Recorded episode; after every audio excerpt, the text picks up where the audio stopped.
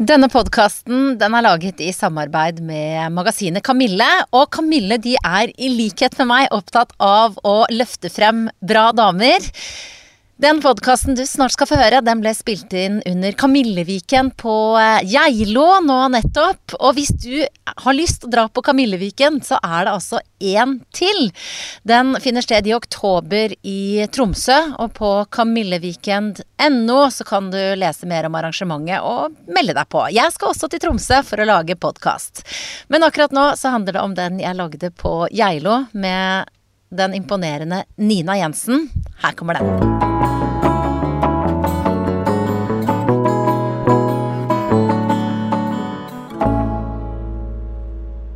Bra damer har tatt turen til Geilo, hvor det er eh, Kamilleviken. Det er altså en stappfull sal av nydelige kvinnfolk som sitter foran meg her. Og bak alle disse nydelige kvinnene så ser man en helt fantastisk natur i eh, flotte høstfarger. Og det passer egentlig veldig bra, for eh, dagens bra dame, hun er en naturelsker glad i naturen generelt, men kanskje havet spesielt. Mange av dere har hørt foredraget hennes i dag. Kjent tidligere som generalsekretær i WWF i Norge. Nå er hun i gang med et slags superambisiøst eh, hav- slash forskningsprosjekt sammen med Kjell Inge Røkke. Det kan vi snakke mer om. Aller først, velkommen Nina Jensen. Tusen takk. Det var fantastisk hyggelig å være her, og ikke minst at salen er sprengfull. Eh, at dere velger å sitte her inne og høre på oss istedenfor å gå ut i den flotte naturen, det, det, setter vi pris på. Men du skulle gjerne altså, Jeg er glad for at du sitter her, du også. For du, er sånn, du kjenner en liksom dragning mot det som er der ute nå, gjør du ikke det? Jo, veldig.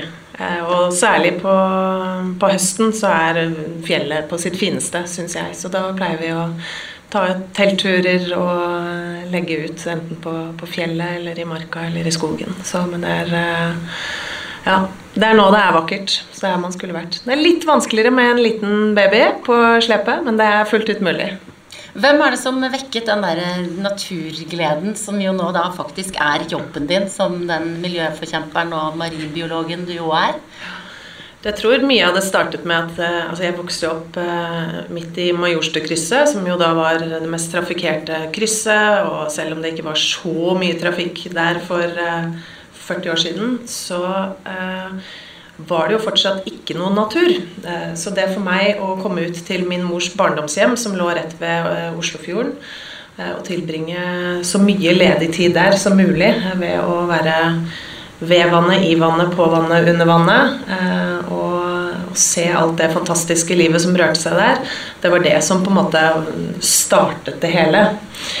Men så hadde jeg også en eh, pappa som var veldig glad i naturen. Elsket fisketurer og fjellturer og Eh, tilbrakte veldig veldig mye tid sammen med meg med å se på forskjellige naturprogrammer og se på dyrespor og høre på fuglelyder og, og den type ting.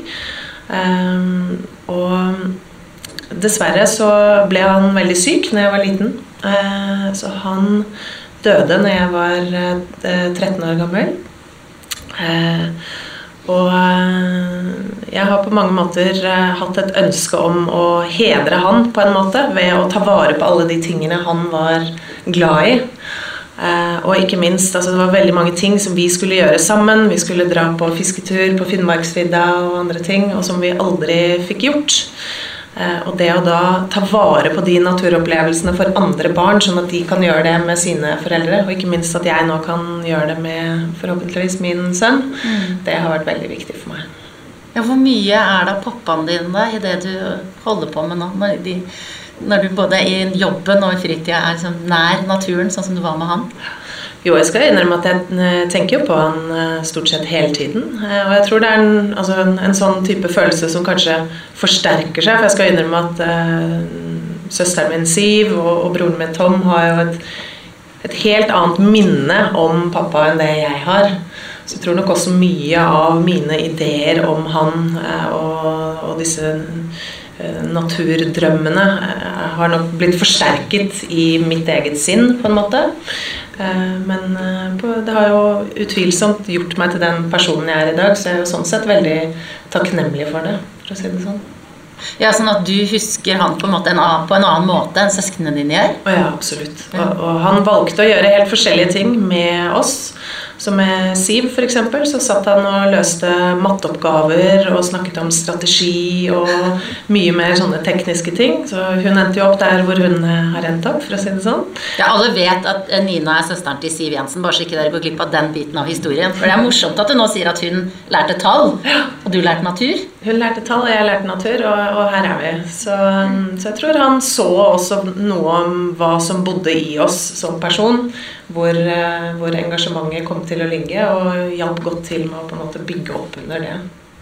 Men du, jeg tenker på her, altså det forholdet du har til havet, og den kunnskapen som du har eh, både om det vakre som er der, og de fæle tingene som vi er i ferd med å gjøre med, med havene. Jeg er litt redd for vann, jeg. Altså, sånn, jeg tør å svømme og sånn, men sånn, havet sånn stort og mørkt, det er noe som skremmer meg. I hvor stor grad har du kjent på den følelsen noen gang? Aldri. Men det er klart, altså, havet er utrolig mektig, og man skal ha stor respekt for havet. Eh, havet ikke bare gir liv, men det tar liv.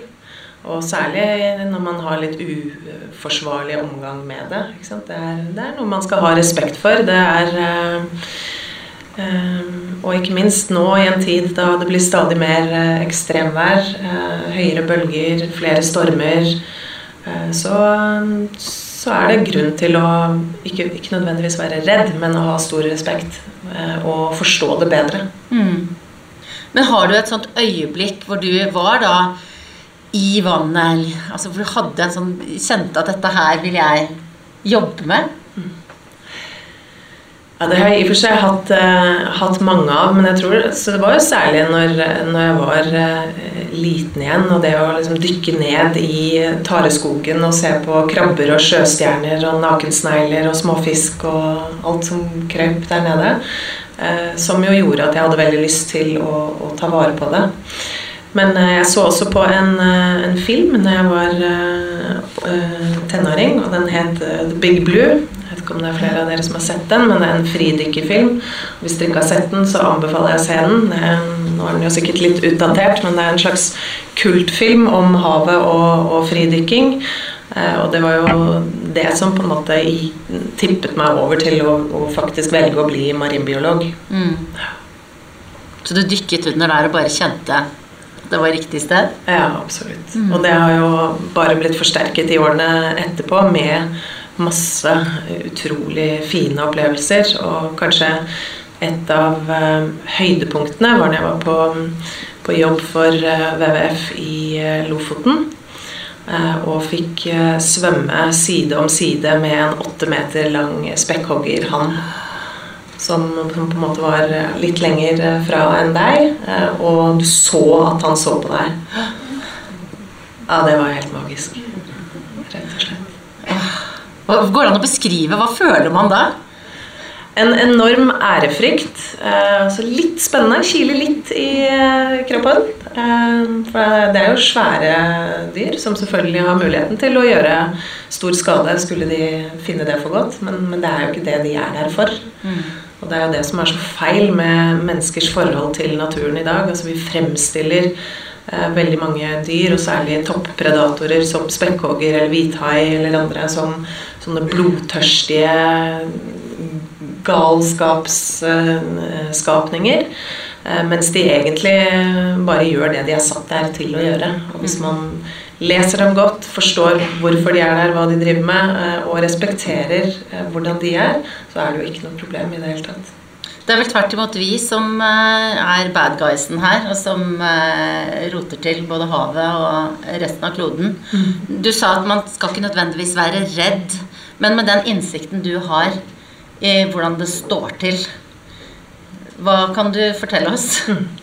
Ja, Det burde man være redd for. Eh, for å si det sånn. Ikke at jeg skal bidra til å ta nattesøvnen fra noen, men, men det er ting som burde bekymre flere enn en meg, for å si det sånn. Og jeg tror hadde alle visst uh, det jeg vet, så hadde alle vært miljøaktivister. Mm.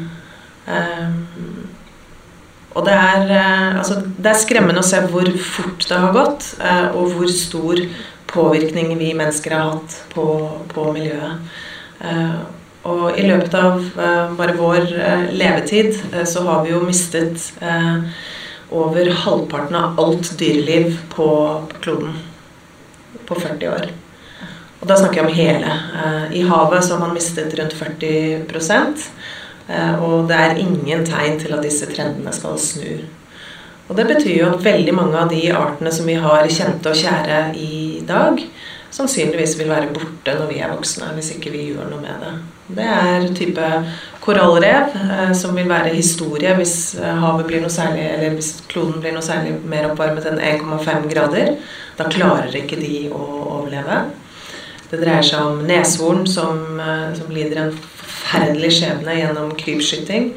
Hvor de blir kappet av, av hornet for, for helt meningsløse produkter.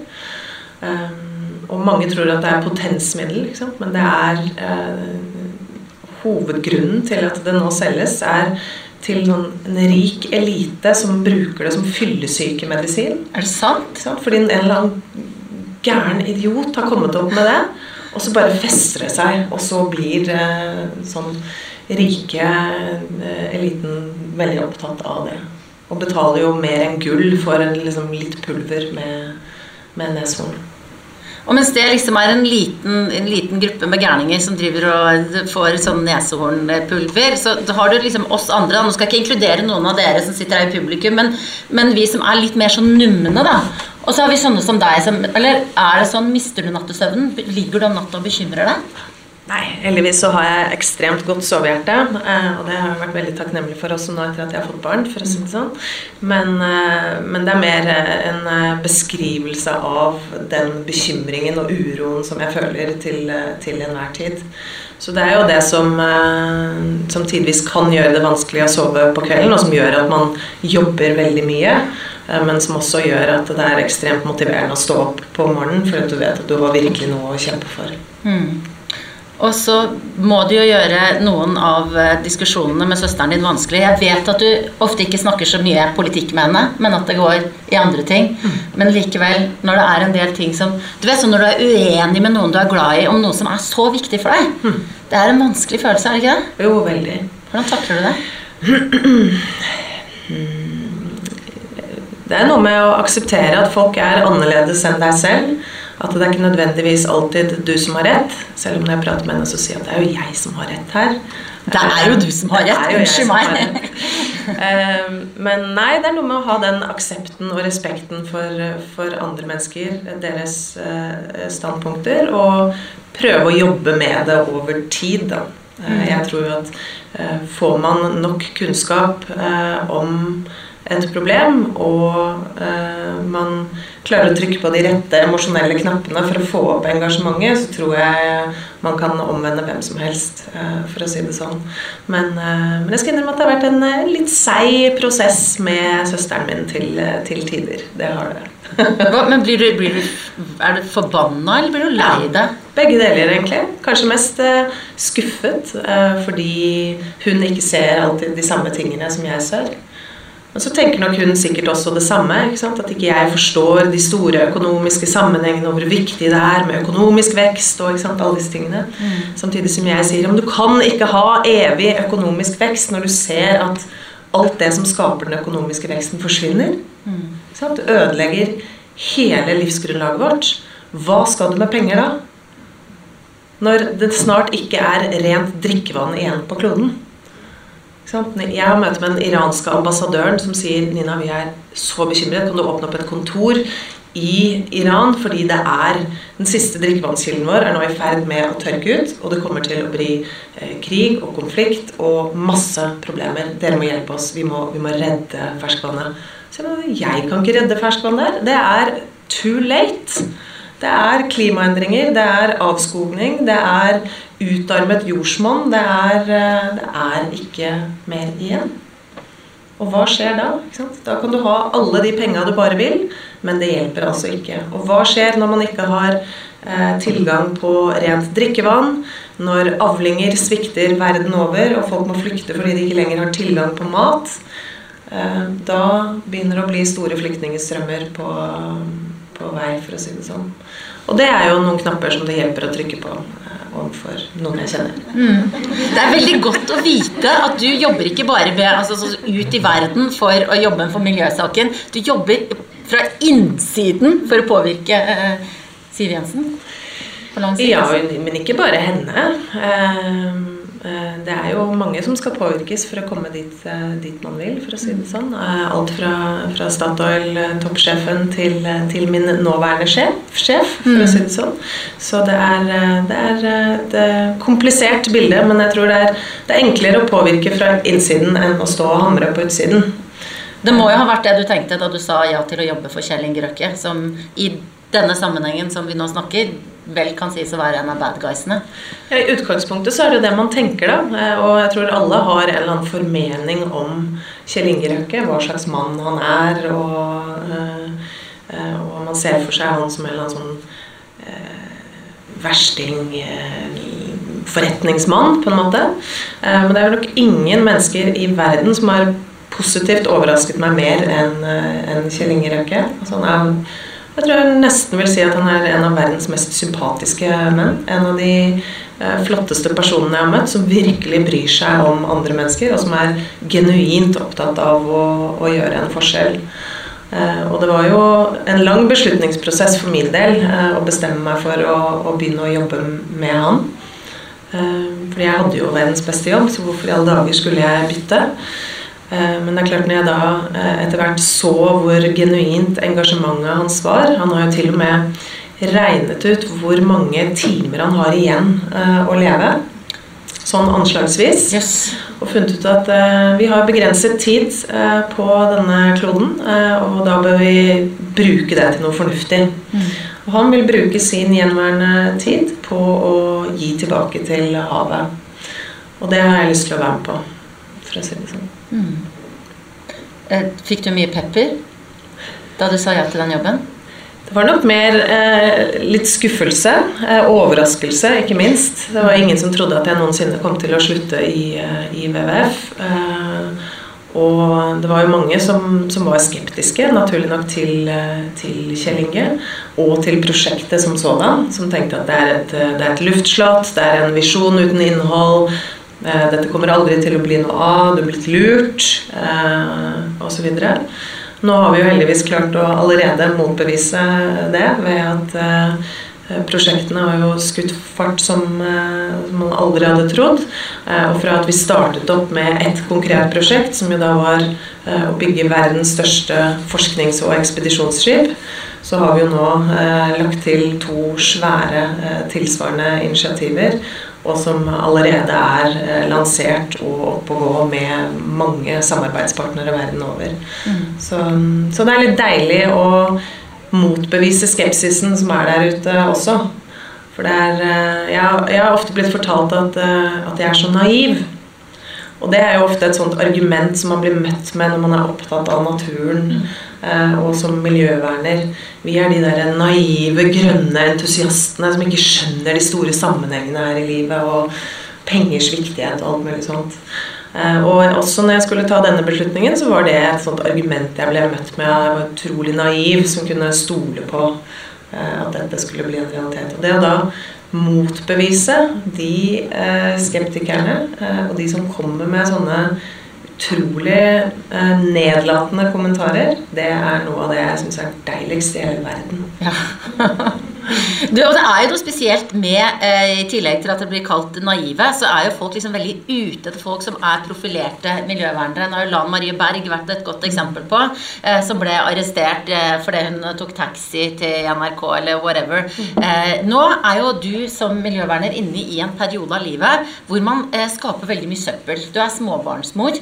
Eh, og det er liksom det er eh, våtservietter, og det er bleier og det er, er sånn, Klarer du å ta med deg det engasjementet ditt inn i hverdagen? Har du tøybleier og sånn? Jeg har tøybleier, Har du det? men jeg skal innrømme at jeg også har eh, vanlige bleier. Eh, og det er eh, Det går nok mer i de vanlige bleiene enn i tøybleiene, for å være ærlig. Ja. Så, men jeg hadde jo store ambisjoner når jeg fikk, eh, fikk barn, om at det var det jeg utelukkende skulle bruke. Eh, Men så skjedde det et par andre ting eh, i livet som, eh, som gjorde at jeg er ikke like sterk lenger. Jeg har mye, mye annet som jeg må prøve å løse opp i. Eh, og det gjør at jeg måtte ta ned ambisjonsnivået på noen områder, rett og slett. Jeg måtte erkjenne at jeg er faktisk bare et menneske. Jeg, jeg klarer ikke alt, jeg heller. Men prøver å redusere mm, mengden, naturlig nok. Og, og ikke minst være veldig bevisst på alt av eh, forbruk hele veien. For det som eh, skjedde, var at du i april ble Nei, mars, vår, ble mamma for mm. første gang. Eh, Så du har en sønn som nå er seks måneder gammel. Eh, Kun kort tid etter det, sikkert litt sånn i ammetåken og lykkerusen, så ble kjæresten din sjuk. Kan du fortelle hva som skjedde?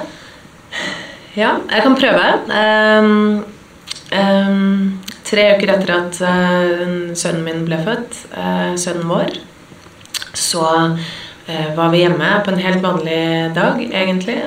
og så kommer samboeren min løpende bort til meg når jeg står på badet, og så sier han det er noe som er galt.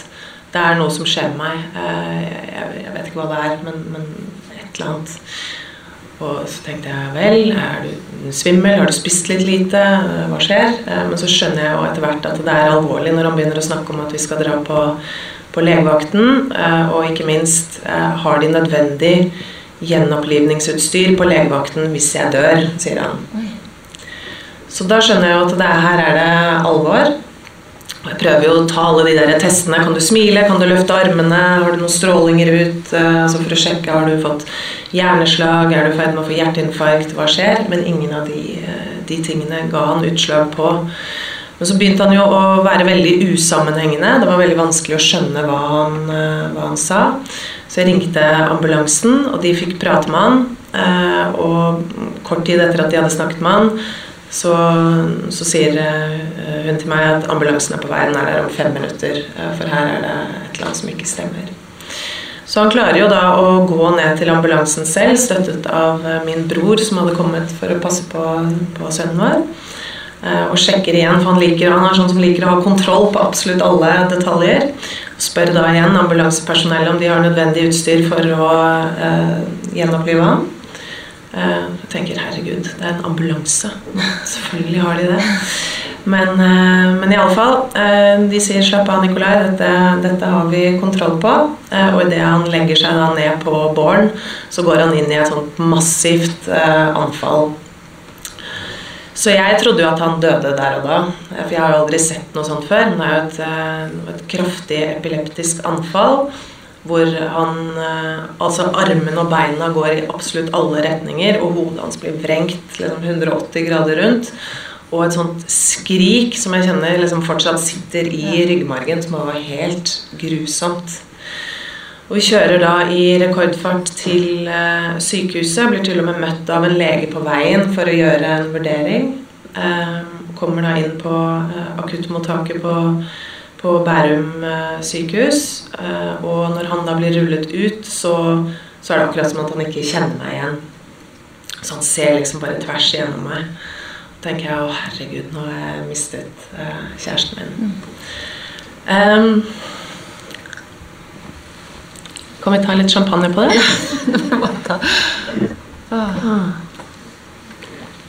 Er det sånn at du kjenner det på kroppen når du snakker om det? At Ja, du er veldig. i situasjonen? Veldig. Ja.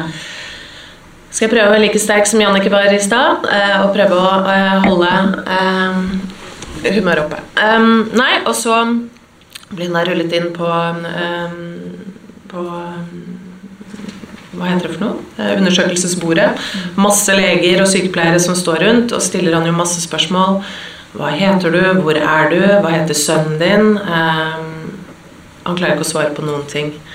Klarer ikke å løfte armene og ligger bare som sånn og, og sier liksom øh, Bare et sånn merkelig lyd. Og det går en million tanker gjennom hodet, eh, selvfølgelig. Eh, Både at man nå mister pappaen til sitt nyfødte barn, eh, mister kjæresten sin, men også skal jeg nå ha et liv med en pleiepasient? Ja.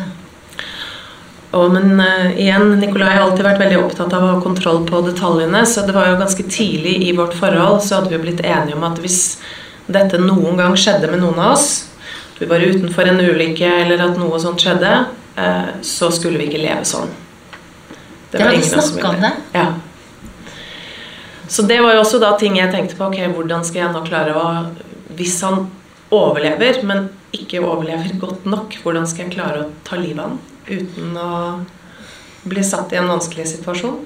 Så det er jo sånne veldig vanskelige ting å, å håndtere. Eh, og selvfølgelig helt absurde tanker å, å sitte med. Um, men heldigvis så, så, kom han seg jo gjennom det og våknet til og ble seg selv uh, utover kvelden.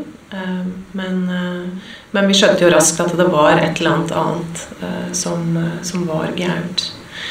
og gjennom masse forskjellige undersøkelser og et fantastisk sykehusapparat som, som har på en måte effektuert ting veldig raskt, så fant vi ut at han har, eh, hadde hjernesvulst. Eh, og den mest aggressive formen for hjernekreft som finnes. Så det er litt det vi eh, lever med nå, da. Prøver å finne ut av hvordan vi skal leve med, for å si det sånn. Og prognosene er jo eksepsjonelt dårlige. Så selv for meg som er en evig optimist og har til enhver tid bevist at det umulige er mulig, Eh, så kjenner jeg jo litt på angsten. Jeg må, må innrømme det. Mm. Det er vel 5 eh, kanskje som, som, lever mer enn et år.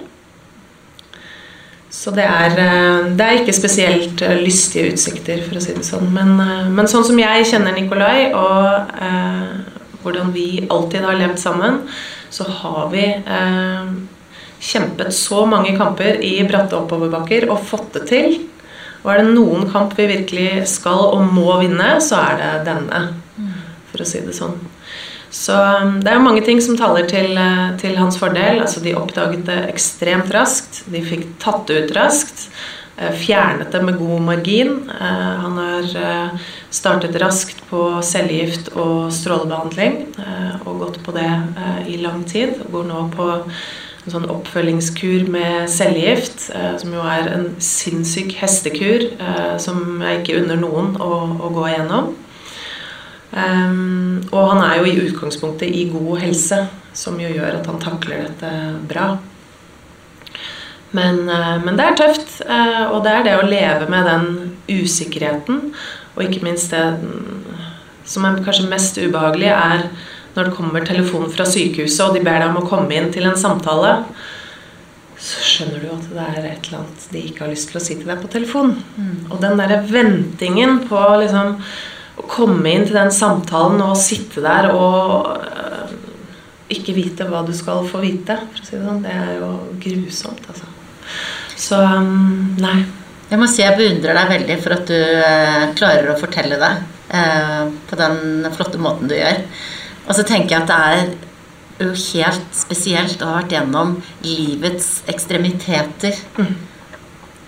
At du har fått en sønn og nesten mista mannen din innenfor en tidsramme som er ja, det har vært eh, et ekstremt turbulent eh, halvår, for å si det sånn, med, med mer livshendelser på, på, seks måneder enn jeg kanskje har hatt i, i, resten av livet mitt. for å si det sånn, Med ny jobb, ny bolig, ny baby og, og en uh, mann som da går fra å være den sterkeste jeg kjenner, til å bli veldig sårbar uh, plutselig. Så det har vært, uh, vært utrolig krevende. Det har det. Du nevnte Jannicke her i stad, for vi var begge og så eh, deler av Jannicke Widens eh, foredrag. Hun eh, snakka om alle angstene sine, og at livet også er for pyser. Et veldig modig foredrag. Og så sa du, da du begynte rett etterpå, at, at hun var sterkere enn deg. For du kunne ikke ha snakka om det på samme måte. Mm.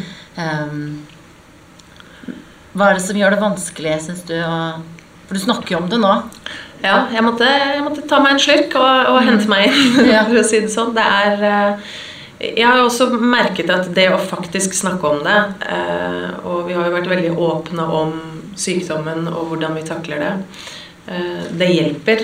En, en god venn av meg sa en gang at en, en smerte som deles, blir mindre.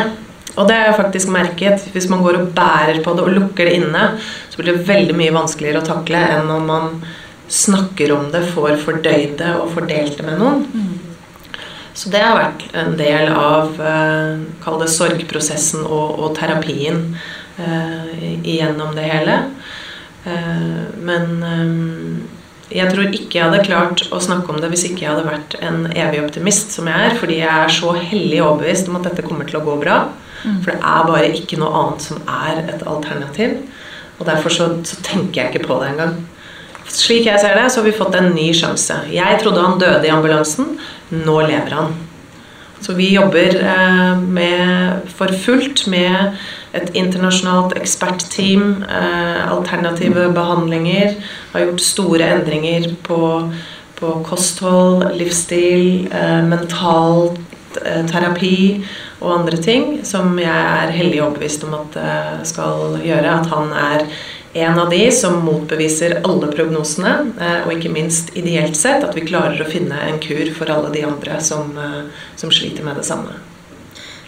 Du, den utrolige styrken som du viser i jobben din, og som du til de grader viser i den personlige kampen du står i nå, hvor henter du den fra? Jeg tror nok det har hjulpet mye å ha en liten baby, faktisk, eh, akkurat nå. Eh, jeg er ikke sånn veldig god til å slappe av, eh, egentlig, eller å meditere eller gjøre sånne ting som gjør at du kan få hjernen din litt tilbake i vater. Eh, men det å da faktisk sitte med en nyfødt baby på brystet det er kanskje den beste meditasjonen man kan få. Og det er Du kan ikke være til stede noe annet sted. Du må bare være der.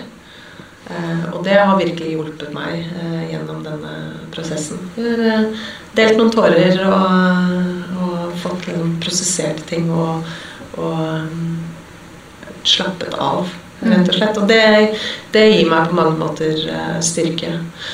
Samtidig så er det jo um, Gir jo Nikolai meg eh, styrke, for å være ærlig. Altså, han er en så utrolig imponerende fyr eh, at hvis dere hadde møtt han, så hadde dere nesten ikke skjønt at han var syk. Og han gjør liksom alt for å snu det vonde rundt til noe bra eller noe positivt. Så f.eks. Eh, han har alltid vært veldig opptatt av håret sitt. En veldig pen mann og sant, opptatt av hvordan han eh, ser ut. Så når han da skjønte at han kom til å miste håret, eh, så var han jo da veldig opptatt av om de kunne si noe om hvor han kom til å miste håret. Og, eh, så de pekte jo ut sånn omtrent vår hvor. Eh, og vi gikk da til frisøren og lagde en helt ny frisyre som gjør at han har mye av håret fortsatt intakt, men har barbert bort resten der hvor, hvor han kom til å, å, miste håret. Og det er jo sånne ting som jeg også tror er viktig når man går og er syk, at man ikke får sånne tilleggsdimensjoner som gjør at du føler deg enda sykere. At, uh, prøve å, å, balansere det ut. Så han uh, og han er uh, utrolig positiv uh, hver eneste dag. Uh, blid og fornøyd. Og er, som sagt, han er mye mer opptatt av å finne en løsning på dette for alle andre som sliter med det samme, enn å være bekymret for hvordan det kommer til å gå med han selv. Og det, den styrken tenker jeg at når han klarer å ha den styrken som, som han har Det er tross alt han som, som er syk så, så skal ikke pakker om jeg skal være noe mindre sterk enn det. Men før alt dette skjedde, så uh, fikk du altså en liten sønn. Ja. En voksen mamma. Mm. Hvordan, hvordan, opplevde du det å bli mor? Det er jo en, eh, en, helt surrealistisk opplevelse, for å si det sånn. Og jeg har aldri vært den som, uh, som har gått og, og, lengtet etter å få barn. Uh, jeg er kanskje ikke en sånn erketypisk mamma, og jeg var veldig skeptisk veldig lenge og usikker på om jeg i det hele tatt skulle få barn. Og det var jo både fordi eh, jeg er veldig bekymret for hva som kommer til å skje eh, med verden fremover. Eh, Pga. alle de store miljøproblemene som vi står overfor.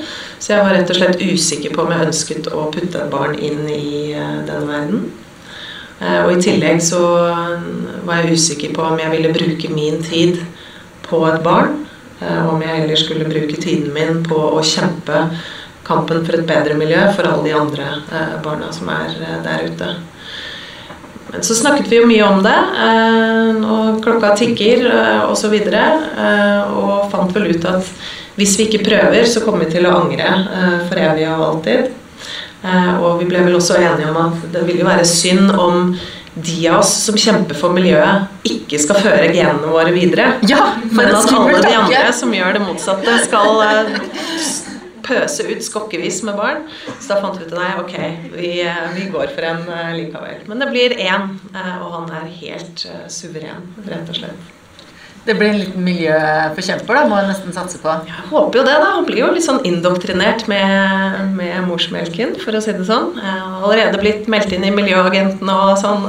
Han, han, har jo sånn sett ikke hatt så mye valg til nå, men, men det er klart når, når, han blir stor nok, så er det jo ikke noen tvil om at han skal få lov til å velge selv mm. hva han vil. Eh, men jeg håper jo at han bærer noen av mine og våre gener i seg, og at han ønsker å kjempe de samme kampene som det vi har gjort. Og så vet jeg at han har et nært forhold til tanta si, så det ja. passe på at ikke hun får uh, indoktrinert for mye av sine greier der. Da. Ja, det er veldig viktig. Nei, vet du hva, hun, har, hun er altså verdens beste tante.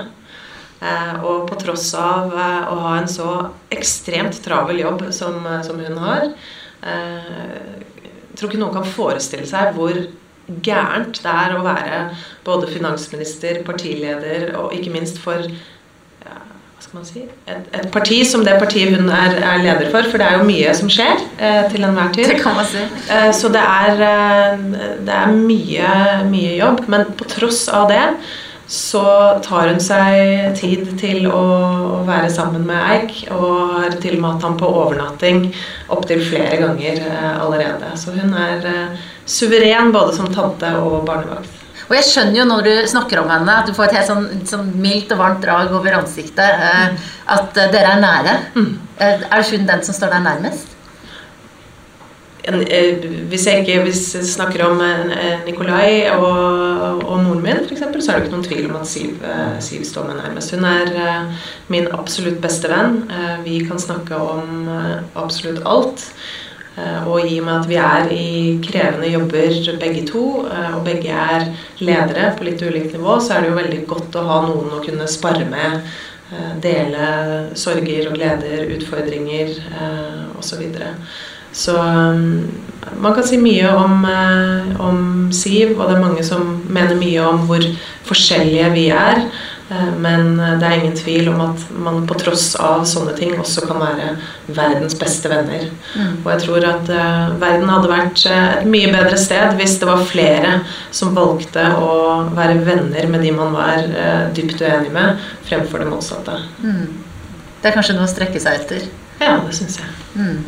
Og jeg skjønner jo det at uh, familien er viktig for deg. Mm. Har det alltid vært det? Ja. Eh, rett og slett. Og eh, jeg tror også at eh, det å miste pappa i såpass ung alder, det, det setter jo selvfølgelig sine spor. Men han var jo også veldig syk den siste tiden. Og når han da lå på sykehuset den siste tiden og så kom jeg inn til han, og han var jo litt sånn delirious av mangel på et gode norske ordet, eh, så sier han til meg at eh, Nina, du må ikke eh, gå fra meg. Fordi hvis du går fra meg nå, så kommer jeg til å dø. Og det er jo ekstremt tøff beskjed for en tolvåring å få. Men jeg hadde jo ikke noe valg. Det er ikke som at jeg kunne være der på sykehuset. Jeg tenkte at du har jo verdens beste til å passe på deg her. Så jeg måtte jo bare gå. Eh, og han døde dagen etterpå. Så for min del så har det gjort noe med liksom hvordan jeg eh, tilnærmer meg familien min og de ulike tingene jeg engasjerer meg i. Jeg er ekstremt opptatt av å alltid være der. Eh, og, og, ikke hva skal jeg si, overlate ting til tilfeldighetene. Altså jeg, jeg, jeg, blir veldig engstelig for å ikke være der mm. når det virkelig gjelder, for å si det sånn. Og det gjør jo også at jeg har et veldig tett forhold til uh, familien min. At jeg har lyst til å være der for dem og, og stille opp.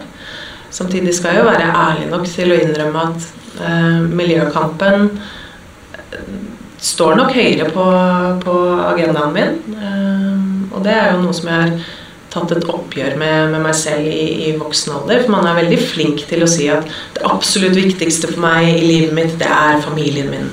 Det er jo ingen som kanskje vil si noe annet.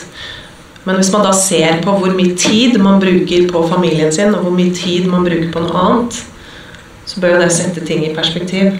Hvis jeg ser på da hva er det jeg bruker mest tid på, det er jo ikke familien min. Det er på miljøkampen. Det er å eh, sørge for at flere får den samme forståelsen som meg, at eh, flere snur om, at man klarer å skape de gode løsningene eh, osv.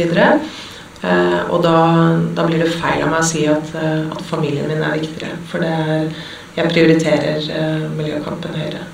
Er den også med å hjelpe deg gjennom den røffe tida du er i nå, privat? Ja, det tror jeg absolutt. Eh, det å ha eh, noe ekstremt viktig å, å, gå til, og som kan drive deg og ta oppmerksomheten din vekk fra mye av det vonde og vanskelige som man har på, på hjemmebane, det, det, er, eh, det, er, en del av terapien, for å si det sånn. Mm. Så selv om jeg jo egentlig skulle vært i mammaperm, så, så er det noe med at miljøengasjementet mitt tar ikke permisjon det er der hele tiden. Eh, og for meg så har det vært veldig godt å kunne da eh, jobbe innimellom eh, og, og få til ting underveis istedenfor å bare gå og tråkke hjemme og føle veldig på den situasjonen som man faktisk står i.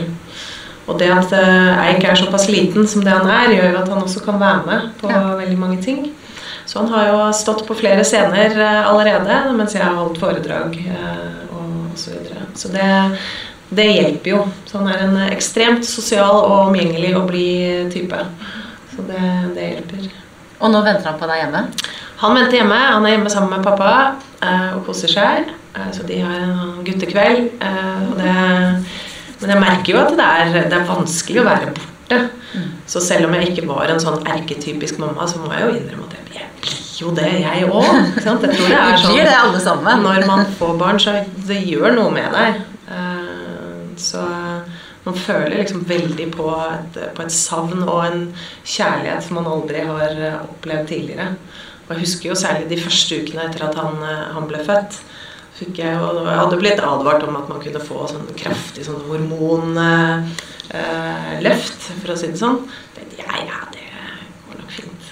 og jeg satt og strigråt hjemme i sofaen og følte på denne sinnssyke kjærligheten til dette barnet, som jo da bare er en forelskelse som er 10 000 gangeren av den sterkeste forelskelsen du noen gang har, eh, har opplevd. Og det er, eh, er, en utrolig fin eh, følelse, rett og slett. Det er litt sånn at du håper at han er våken når du kommer hjem i kveld? Ja. Så du kan løfte han inntil deg? Ja. ja.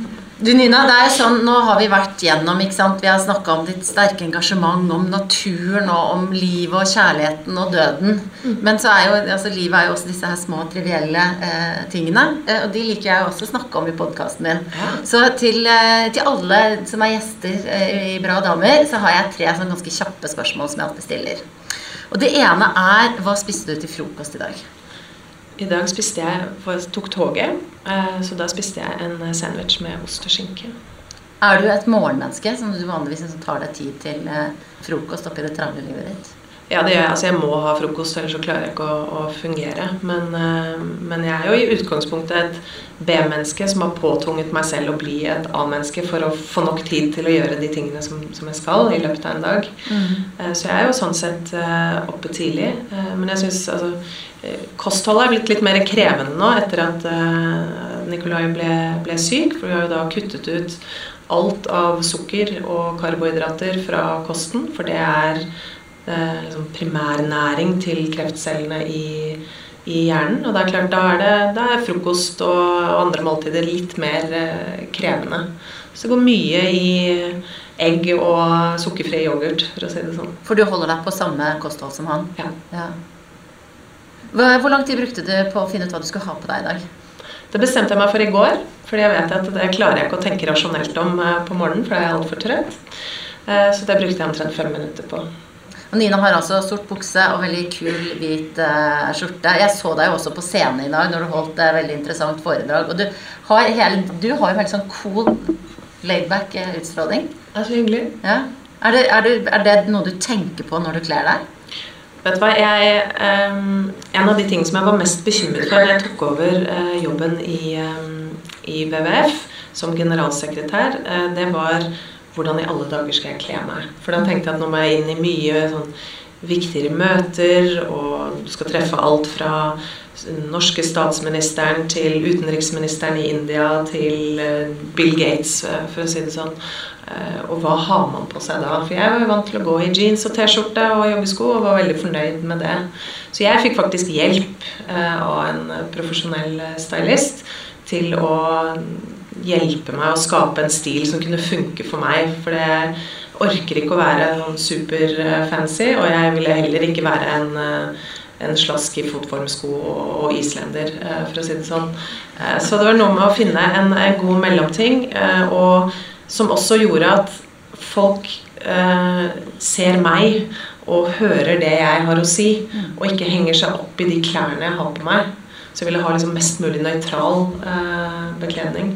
Så det fikk jeg, fikk jeg, god hjelp til. Så det går stort sett i de samme enkle antrekkene. Så jeg må innrømme jeg var litt nervøs for å komme hit òg, for det er en Kamille-samling med så mye bra damer. Da, damer er ofte liksom de verste mm, kritikerne. Mm. Så det, det, var litt skummelt, men eh, det har åpenbart gått bra. Ja, ikke sant? Jeg er enig i at hun ser veldig cool ut. Ja. Cool! Jeg må til og med si det på engelsk. Du, Det siste av de tre kjappe spørsmålene er ganske enkelt. Når hadde du sex sist? Oi. For en uke siden. Um, ja. Er det vanskelig? Hva skal man si? Jeg har egentlig ikke noe oppfølgingsspørsmål.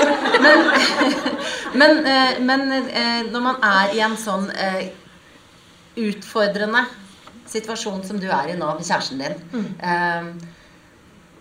Hvor mye kjæresteri Altså Da tenker jeg Du har liksom to ting som pusher på. Du har en liten baby, og du har en alvorlig sykdom. Mm. Hvor mye kjæresteri er det inni den familiebobla deres nå?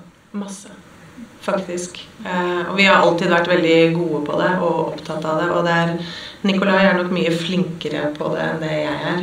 Så han er sånn som eh, Jeg kan komme hjem, og så har han liksom drysset roseblader gjennom leiligheten og laget middag og og sånne type ting. Og det gjør han den dag i dag når han er eh, syk. Så han er eh, rett og slett imponerende. Og jeg tror når du eh, får en så stor omveltning i livet, så gjør det at du, du føler litt på um, hva du har lyst til å fylle tiden din med.